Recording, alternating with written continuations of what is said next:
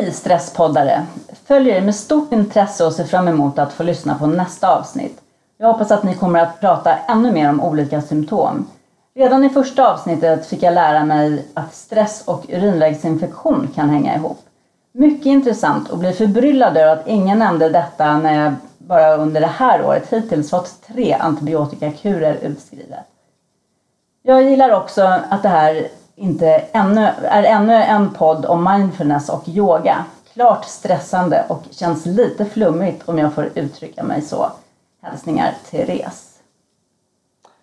Och med Therese brev som vi har fått, ett lyssnarbrev, så vill vi hälsa dig välkommen till Stresspodden med Petra och Maria. Och det var lite intressant det här brevet som vi fick så vi ville gärna ta upp det.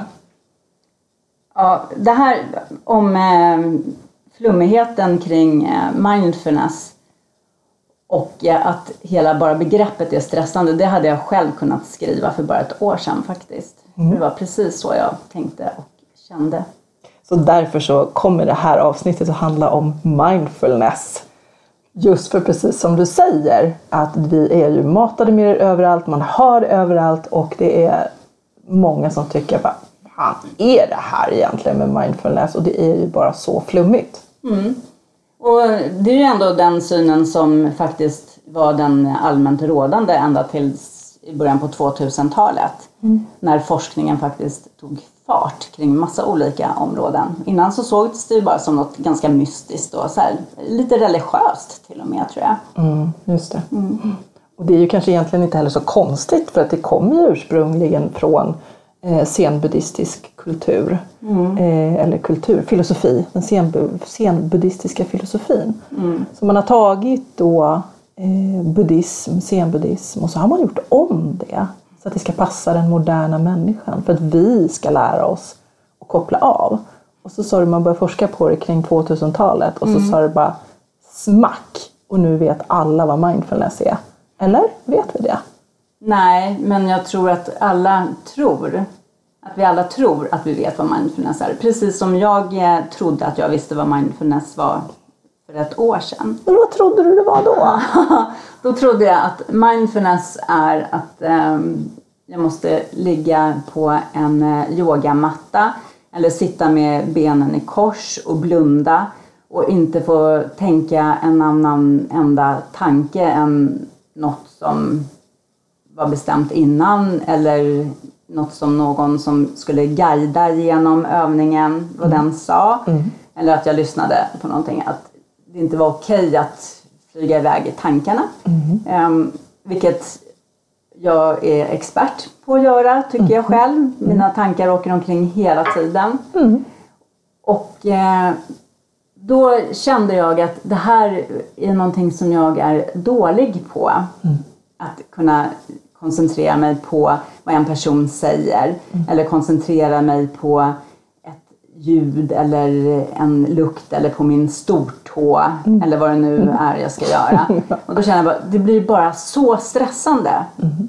Varför ska jag göra det? Då kan jag göra någonting annat där jag ändå tänker att jag själv kopplar av mm. och är, är rofylld. Mm, mm. Mm. Okej, okay. men nu tänker jag, nu säger du att du, jag menar, man ska sitta och göra de här sakerna, man ska tänka så, man ska göra si bla bla bla, mm. meditera och sen ändå så, om det nu är en sån långvarig och stor grej man ska göra och ändå så pratas det ju om mindfulness i alla sammanhang. Mm. Man läser man ska äta mindfulness, eller mindful eating och man ska ha mindful walking och man ska ha mindfulness på jobbet och mm. yoga mindfulness och så. Mm. Liksom, vad, vad, är hysterin kring det? Och är det det som är en del av att, att man, människor blir så stressade? Därför att det är så mycket mindfulness-prat hela tiden. Ja, men och jag tänker så här att vi får bara det här matade som något paket som vi bara ska köpa på något sätt. Mm. Men jag tror att eh, jag och många med mig mm. faktiskt saknar förståelsen för varför det är bra. Och det är svårt att motivera sig själv att göra någonting om vi inte vet varför. Vad, vad är det som händer? Mm. Varför är det bra? Mm. Mm. Och det är det som är lite coolt när man börjar titta närmare på det tycker jag. Att man faktiskt kan mäta i hjärnan. Mm. vad som händer och att man faktiskt kan se att eh, det sker en förskjutning från den aktiva delen eh, i hjärnan till den eh, mer lugnande delen, om vi nu bara ska förenkla allting. Mm. Att man ser en, en förskjutning i aktivitet.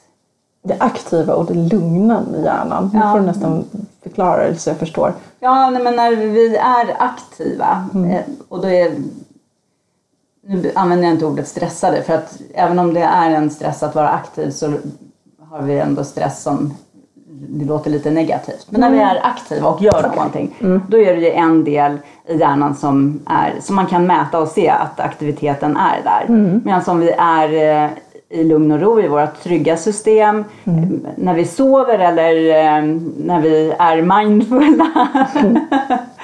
så, så ser vi en aktivitet i den andra sidan av hjärnan. Ja, just det.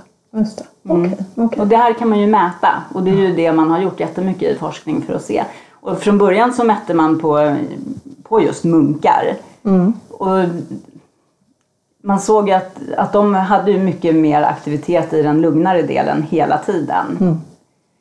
Men eh, vem har tid att sitta i lotusställning 23 timmar av 24? Det är inte, nej men det, det blir ju inte, det är ju ingen bra referensram. Nej. Men nu har man ju sett i forskning, eh, jag har läst jättemycket studier där man har gjort studier på åtta veckors mindfulness mm. och där man också ser den här förskjutningen tydligt på mm. människor. Mm. Det tycker jag är superhäftigt. Alltså genom att man har, man har gjort mindfulness i mm. åtta mm, veckor. regelbundet i åtta veckor. Och då pratar vi kanske inte att man har suttit i lotusställning där heller i ens 45 minuter. Nej, men precis. Utan det handlar kanske om 10-15 minuter om mm. dagen.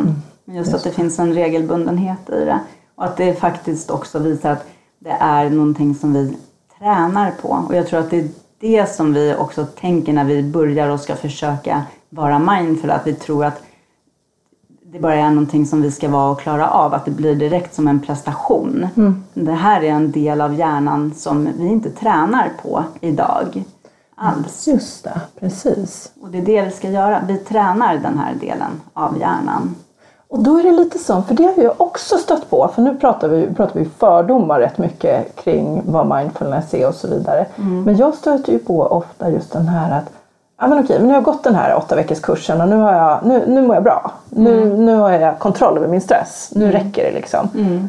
Men det är också när du säger när man tränar på mm. så är det ungefär som att säga samma, samma sak som att ja, nu har jag sprungit fem kilometer, vad bra, nu är jag upptränad. Nu behöver jag inte springa något mer. Det är ungefär precis samma sak. Mm. Du måste ju träna, ut och spring, ut och rör på dig för att behålla en kondition. Ja, precis. Den regelbundna träningen är ju jätteviktig vare sig det gäller konditionsträning ja. eller styrketräning och det är ingen, inget som skiljer från eh, hjärnträningen ja, på det precis. sättet. Precis. Så att det räcker inte med att du går en åtta veckors kurs eller att du, utan du kanske behöver ett par minuter några gånger i veckan för att fortsätta att träna. Mm. Så att du, det är ungefär som du tränar upp konditionen eller styrkan i hjärnan. Mm. Ja men precis, mm. absolut. Så är det. Um, man har ju sett att amygdalan som är den som är vårt alarmsystem. Mm. Att, I hjärnan. I hjärnan, precis.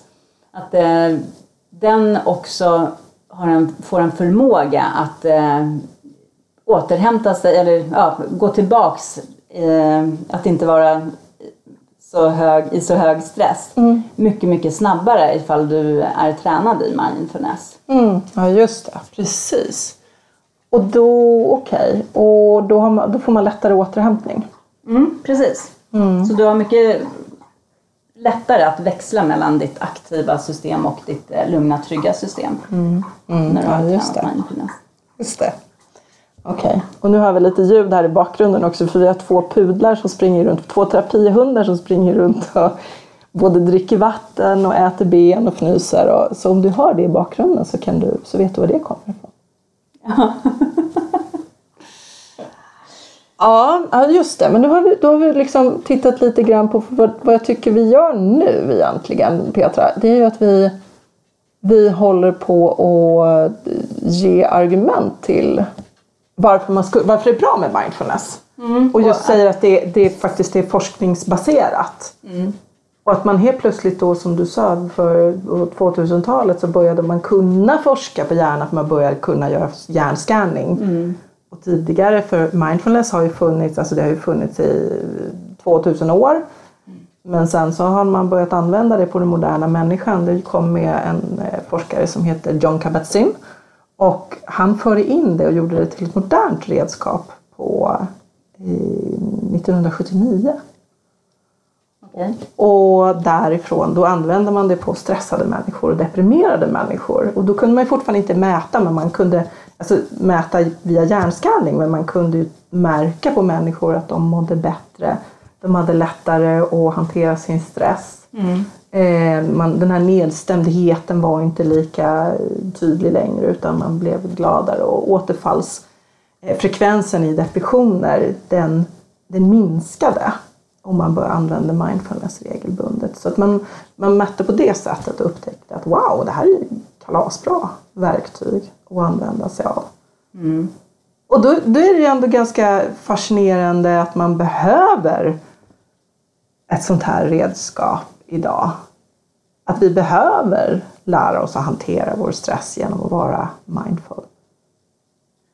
Ja, men precis. Men där är det också många som säger att det, i det här informationssamhället som vi lever i och att vi hela tiden matas med massa saker eh, och ska vara bra på att göra flera saker på en gång så tränar vi ju bara hela tiden den aktiva delen av hjärnan. Mm. Den andra delen, eh, den har vi ju glömt bort. Mm. Och det här är verkligen kopplat också till kanske de senaste 15-20 åren med just informationssamhället. Och sen så, ja, om vi backar lite längre bak så var det ju viktigt för att överleva Mm. att vi faktiskt eh, kunde vara mindfulla. Mm. Så det här är ju någonting som vi naturligt har i oss. Och Mm. det ska vi inte glömma bort. Det är ju en naturlig sak. Eh, men idag har vi liksom glömt bort den för att vi tränar inte på den. Förr, för länge sedan, då var vi tvungna att vara mindfulla för att om vi inte eh, kunde spetsa våra öron och lyssna, hur skulle vi då veta ifall vi höll på att bli överfallna av ett djur? Om vi inte kunde, tog oss tid att lukta på saker och ting så riskerade vi att få i oss giftiga saker eller dåliga saker. Alltså alla de här sinnena var ju så kopplade till vår överlevnad och det är det ju inte idag alls. Utan idag har vi ju Livsmedelsverket som talar om vilket datum det ska stå och sådana precis. saker. Det, det är ett helt annat sätt att leva. Och då har den här delen av oss också eh, blivit sämre och kanske försvunnit för många av oss för att vi inte automatiskt tränar på det. Just det. För det, det, det, här, det här tycker jag faktiskt är lite intressant när du pratar om det. Eh, vad vi har varit skolade på. För då kan man ju fundera på, men var, varför är, är det inte ändå naturligt för oss att träna på att bara vara i stunden och nuet? Varför är inte det naturligt för oss? Och det handlar om att man, eh, man har upptäckt att vårt belöningscentrum, förra gången pratade vi om dopamin. Mm. Vårt belöningscentrum är kopplat till att varje gång vi får information om någonting, som en liten att det händer någonting, vi hör ett ljud eller eh, och det plingar till i telefonen eller eh, jag får ett mail eller någon pockar på min uppmärksamhet eller jag läser en skylt eller någonting, så får vi en liten belöning. Så att vi kickar på att vara hela tiden, att ha hjärnan igång. Vi kickar på att ha den aktiva delen i hjärnan hela tiden, ständigt eh, snurrande. Och därför är det, alltså det ger ju inte samma kick för oss att vila. För att, jag menar, det, det behövde vi ju inte då. Den, på den tiden så att säga, när, på den, det artegna, den under de 150 000 år som vi levde innan det här informationssamhället. Så att om vi fick en kick av att sitta i lotusställning menar du, då skulle, då skulle mindfulness ha lite större framgång bland sådana som, eh, ja, som är som mig. Ja men precis! Eller hur? Men det, det är ju inte, vi får inga belöningar på det. Nej, Inte i alla fall i nuet. Nej, Men att vi får belöning då vid de här sakerna som du, eller som vi har pratat om nu. De här att du, eh, att du kan hantera stress mycket bättre. Ehm, och att man har märkt att den, den här återhämtningen blir mycket större. Mm. Ja, det blir den ju på alla plan. För det stärker ju också vårt immunförsvar har man ju sett Mm. i den här återhämtningen. För det försvagas ju, som vi har pratat om tidigare, i, när vi är i vårt stressande system eller aktiva system. Just det! det upp. Precis, att det stärker immunförsvaret. Mm. Det är ju jätte, jätteintressant. Och sen en annan väldigt, väldigt som jag, jag brukar använda som ett argument när jag ska få människor att börja jobba med mindfulness. Det är att eh, det finns en, eh, en forskare som heter Elizabeth Blackburn som har fått eh, Nobelpris på grund av att hon har upptäckt att på våra kromosomer, allra längst ut på våra kromosomer så finns det ett skyddande hölje som heter telomerer. Och det kan man tänka sig att de här telomererna är ungefär som eh, ett skosnöre. Allra längst ute på skosnöret så har du ju lite plast. Och det vet vi ju hur det är med ett skosnöre. När plasten till slut försvinner, för det blir, gör den ju när man har slitit på sina skor ett tag, så börjar ju skosnöret att trasas upp. Precis på samma sätt är det med våra kromosomer. Och det här sker vid åldrande. Det sker automatiskt. Telomererna slits ner, kromosomerna börjar förstöras. Eh, men det sker extra snabbt när, det är stress, när vi är stressade. Så när vi är utsatta för stress och inte ger oss själva någon återhämtning så förstörs det fortare och vi åldras snabbare. Det, här, det, det, liksom, det finns forskning på det, det är bevisat. Men vad Elisabeth Blackburn upptäckte var att mindfulness kan bromsa den här processen och återuppbygga telomererna. Så att du, det är inte, alltså du bromsar ditt åldrande men du också du skyddar kromosomerna och återuppbygger själva skyddet. Det är ju faktiskt ganska häftigt. Det är helt otroligt. Så att antingen så stressa på, bränn ut dig eller stanna upp, använder jag mindfulness och faktiskt ta, gå, gå tillbaka i åldrandet. Värsta, bästa och billigaste föryngringskuren kanske man kan säga. Verkligen. Ja. Ski- Skippa alla krämer. Börja med, med Men mindfulness det, så, det, så det är därför också som eh, jag, jag har läst och hört att många säger att eh, du åldras tio år av en förlust. Det måste det ju vara. Mm. Intressant. Nu vet jag inte om Nej, det men- kanske stämmer men, alltså. Mm. men det är, som, det, är som, det är precis det som du beskriver att vi, det här eh, Stressa. påskyndas vid stress. och att eh, förluster är ju en Mm. stress och trauman är en stress.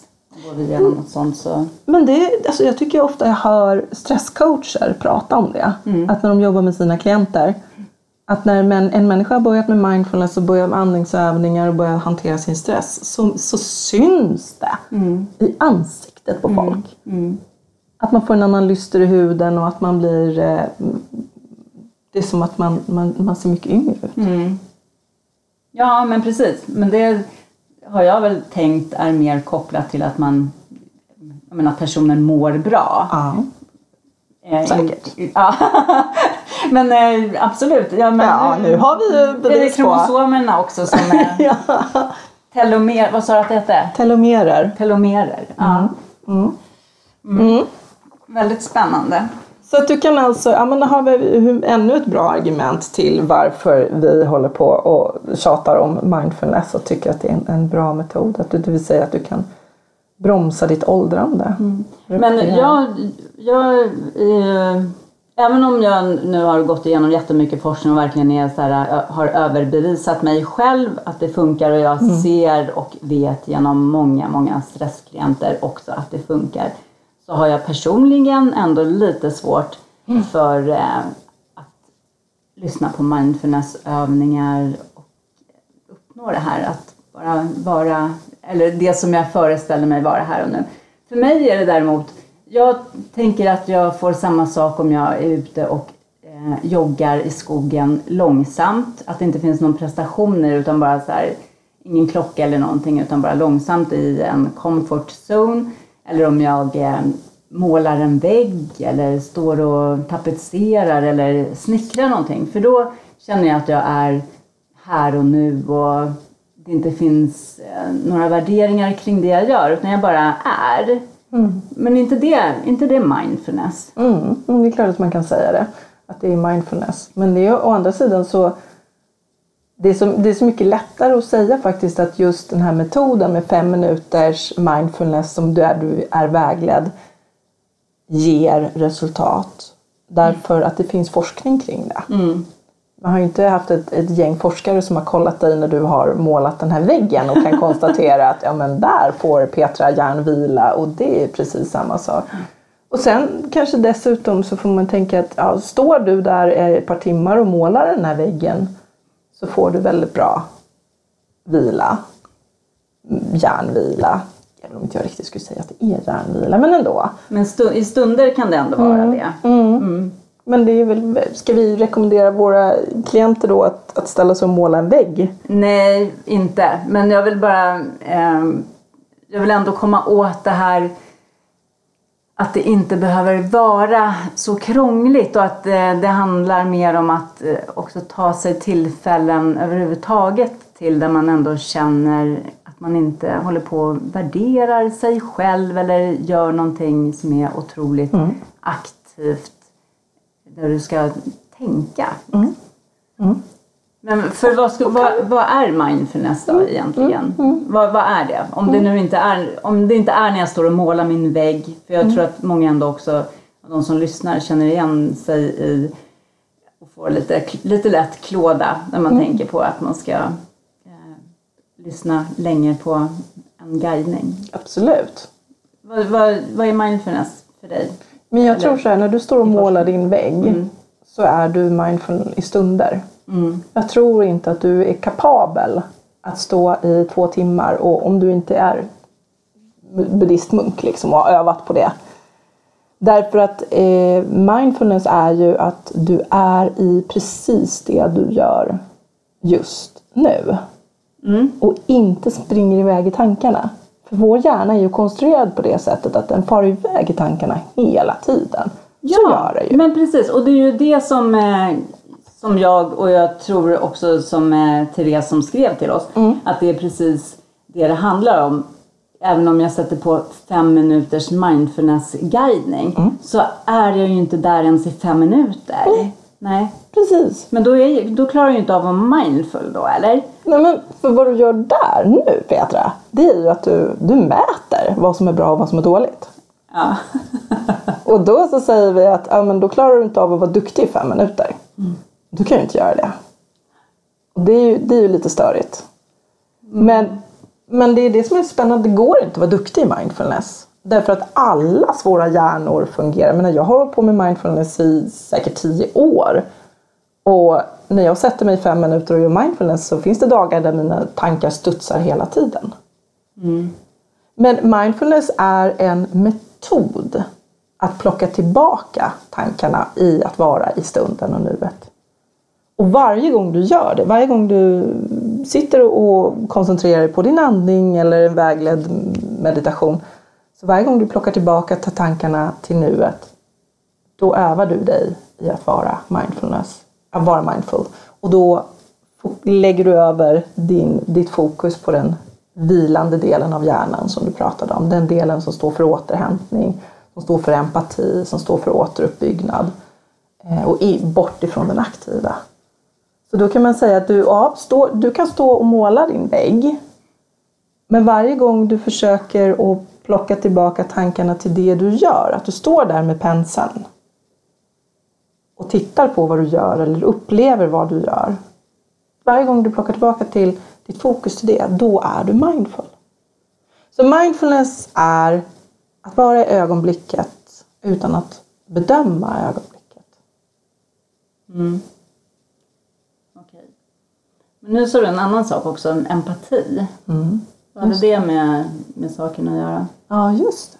Vad har det med saken att göra?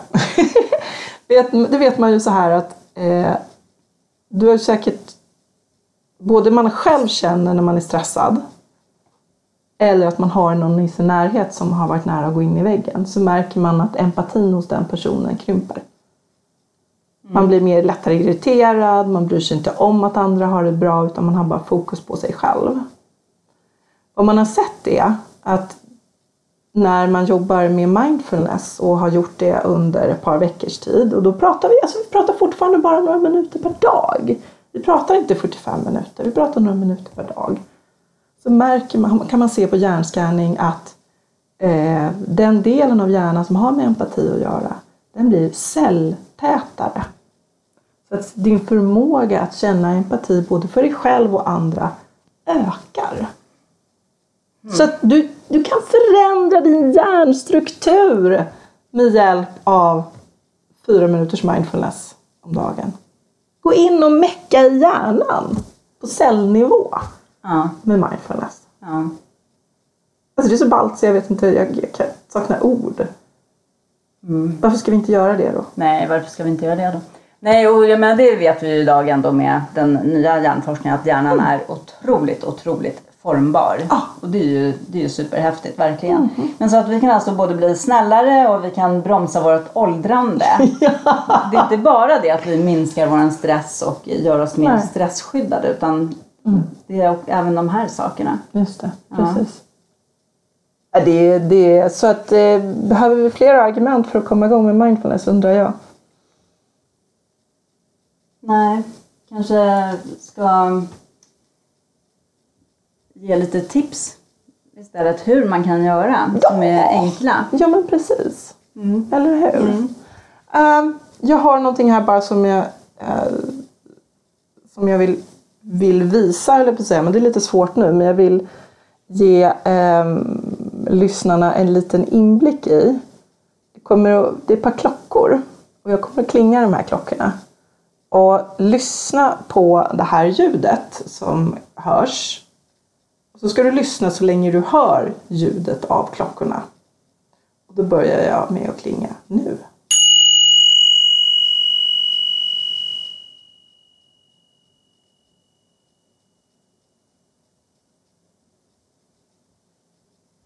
Mm, jag vet inte hur det hördes ut, men det, i mina öron ringer det fortfarande lite. Vilket gör att det blir en eh, lång mindfulness för mig. Mm, just det. För den som har eh, en sämre hörsel kanske blir en väldigt, väldigt kort stund. Mm, just det. Mm. Men vad, vad, vi gjorde var helt enkelt när vi lyssnade mm. så var vi mindfulla. Mm. Det finns det också en bild på Stresspoddens Instagram på mm. de här klockorna. Om mm. man vill se hur just de här ser ut. Precis, så har du Instagram, gå in och följ Stresspodden. Leta upp Stresspodden för där lägger vi ut lite bilder titt som tätt. Mm. Ja, men tips sa du. Ja, nu, nu, nu har man kanske inte mindfulness-klockor hemma och man kanske tycker att det låter väldigt skrangligt och skryngligt. Um, men att det, en, ena delen är ju just att, att testa, våga testa lite de här vägledda mindfulnessövningarna som finns.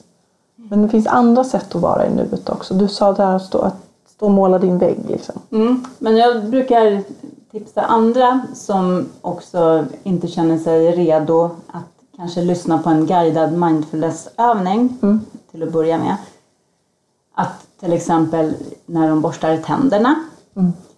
vara i här och nu, nua medan de borstar tänderna och bara känna hur det känns med tandborsten mot tänderna hur det smakar. Mm. För då är man ju också eh, medveten om precis här och nu. Precis. Och där också, om tankarna far iväg till något annat så är det ju också bara att ta tillbaka dem till tandborstningen och det som händer och känns i munnen. Just det. det är ändå enkelt och det är någonting som är lätt också att få att kunna koppla till en rutin för att det är någonting som vi ändå mm. gör. Just det. Kanske två gånger om dagen mm. i alla fall. Just det. Det är ju verkligen att, att, använda, att använda sina sinnen. Mm. För att, att fokusera, jag menar, hörseln, eller där pratar du smaken, du pratar känslan. Mm. Det hjälper oss att komma till nuet. Mm. Och vara bara, bara i det. Mm. Så att borsta tänderna är en sak.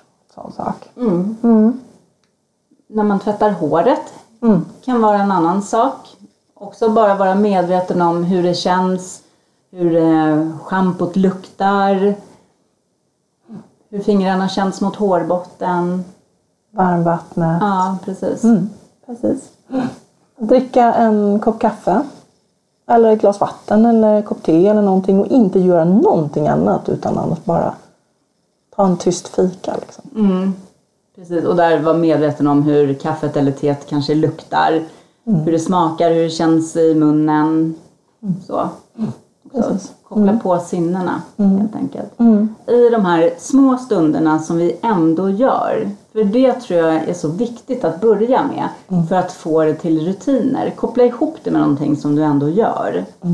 Istället, för att annars så blir det så lätt att det är någonting som du ska lägga till och göra. Precis, just det. Och det, det, jag tror väl kanske det där är det viktigaste. Nu, nu pratar du om att, att koppla det till en rutin. För att egentligen mindfulness är inte svårt. Det är Nej. inte svårt att vara mindful men det är svårt att komma ihåg att vara det.